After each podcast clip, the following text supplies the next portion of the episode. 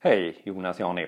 Jag jobbar inom digitaliseringen och en sån här observation man har dagligen och, som man blir åter det återupprepas dag efter dag. Det är det att eh, digitaliseringen är ju en vidareutveckling utav alla de här IT-verktygen som vi har.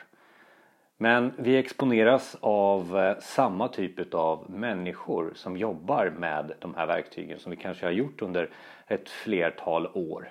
Eh, människor som kanske har en gammal bakgrund där det gäller just att uppgradera det här verktyget eller eh, jag är anställd för att bara göra det här verktyget eller eh, implementera det här verktyget.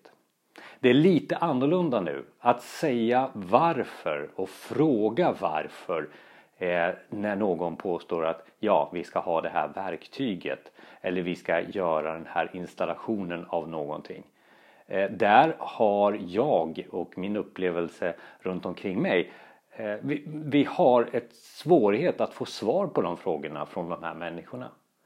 Det gör att eh, det blir svårt att även gå vidare med en motivering varför överhuvudtaget det här projektet ska genomföras. Så för dig som jobbar med digitalisering en vädjan och en rekommendation det är att försöka ha svar på varför själv.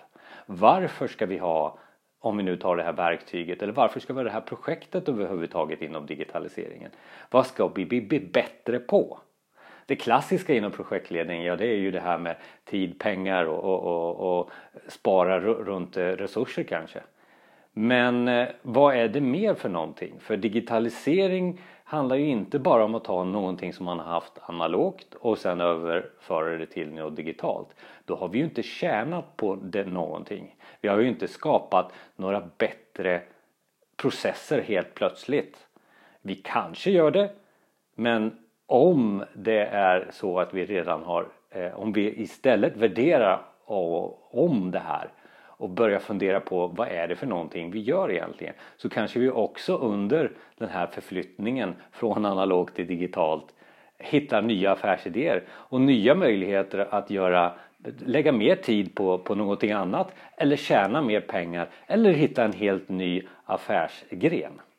Så ställ dig frågan varför Eh, försök ha svar på det. Och är det så att de här människorna som, som jobbar tillsammans med dig i digitaliseringen kanske kommer från en IT-bakgrund, ja då har de oftast inte svaret på varför från ett affärsperspektiv eller verksamhetsperspektiv.